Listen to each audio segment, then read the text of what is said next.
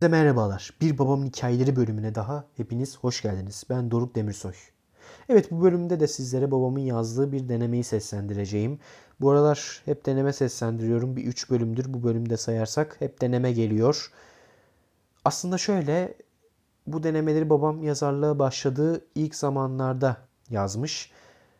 Fakat ben bu podcast kanalını açtığımda öncelikle öykülerine yer ayırdım. Denemelerini okumadım. Şimdi malum babam bugünlerde güncel öykü paylaşamıyor. Ve ben de podcast kanalı boş kalmasın diye bu denemelerini okumadığım için boş kalmaması adına bu denemelerini okuyorum. Ama bence güzel çünkü farklı farklı konularda çeşitli çeşitli güzel denemeler yazıyor. Bence hepsi zevkli ve ilgi çekici. Şimdi mesela bu da onlardan bir tanesi. Şimdi sizlere seslendireceğim. İsmi Sanatın Tanrısı ve Hacı Murat. Evet, babamın bu denemesini seslendireceğim bu bölümde sizlere. Hadi bakalım başlayalım ama şöyle güzel bir fon müziği ayarlayalım.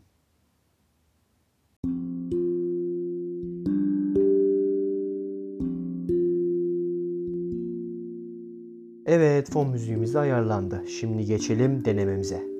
Sanatın Tanrısı ve Hacı Murat isimli denemesi sevgili arkadaşlarım. Sanatın Tanrısı sizce çok mu iddialı bir başlık olmuş? Lev Nikolayevich Tolstoy hakkında başlıkta kullandığım bu niteleme bana ait değil. Aynı zamanlarda yaşamış olmalarına rağmen Tolstoy'la hiç tanışmamış olan Dostoyevski'nin yaptığı bir niteleme bu. Dostoyevski'nin St. Petersburg sokaklarında elinde Tolstoy'un Anna Karenina romanı ile koşarken aynı zamanda bu adam var ya bu adam, bu adam sanatın tanrısıdır diye bas bas bağırdığı çok bilinen bir anekdottur. Yakınlarda kaybettiğimiz ünlü edebiyat eleştirmeni George Steiner'ın de belirttiği gibi Tolstoy karakterlerinin ağzına tıpkı tanrı gibi hayat üfler. O takdirde başlıktaki niteleme yerli yerine oturmuş durumda değil mi? Tolstoy, Hacı Murat adlı eserini 1896 yılında yazmaya başlamış ve 1903 yılında bitirmiştir. Yani kendisinin son dönem yapıtlarından biridir. Bir öykü olarak göreceğimiz Hacı Murat, Tolstoy'un ancak ölümünden sonra basılmış ve onun en olgun yapıtı olarak kabul edilmiştir. Hacı Murat, tarihte Şeyh Şamil döneminde yaşamış olan Avar kökenli Kafkasyalı bir liderdir. Kafkasya imamı Hamzat Bek'in dönemin Avar Hanı'nın oğullarını öldürmesinden sonra çarpıcı bir şekilde tarih sahnesine çıkmıştır. Avar Hanı'nın oğulları aynı zamanda süt kardeşleri olduğundan ağabeyi ve adamları ile birlikte bunun intikamını almak için Hamzat Bek'e cesurca bir suikast düzenlemiştir. Suikast başarılı olmuş. Ancak ağabeyi kaçarken ölmüş.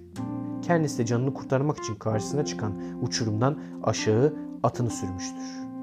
Tesadüf eseri ölmemiş ancak bir aya topal kalmıştır. Tarihte tam bu dönem beliren bir güçlü karakter daha vardır. Şey Şamil. Şey Şamil, Hacı Murat'ın öldürdüğü Hamzat Bek'in yerine Kafkasya imamı olmuş ve Ruslara karşı Kafkasya'nın bağımsızlığı için savaşa başlamıştır. Bir süre sonra bu savaşta yanında kendisine katılan Hacı Murat'ı da bulacaktır.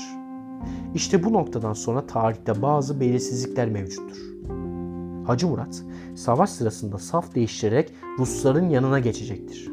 Ancak bu saf değiştirme bir da danışıklı dövüş müdür yoksa gerçekten Şeyh Şamil ile Hacı Murat arasında bir anlaşmazlık mı çıkmıştır? Zamanın tarihçileri bu soruya net bir yanıt veremiyorlar.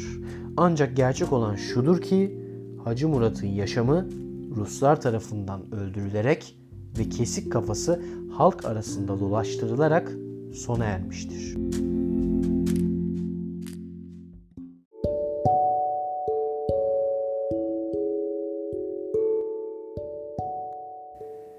Tolstoy'un eseri Hacı Murat'ın Rusların tarafına geçişi ile başlamakta ve öldürülüşü ile sona ermektedir. Tolstoy'un öyküsünü yazarken çok titiz çalıştığını, dönemin gerçek olaylarını yazan hemen hemen tüm kitapları incelediğini ve her ayrıntıyı da gözden geçirdiğini belirtmeden geçmemeliyiz.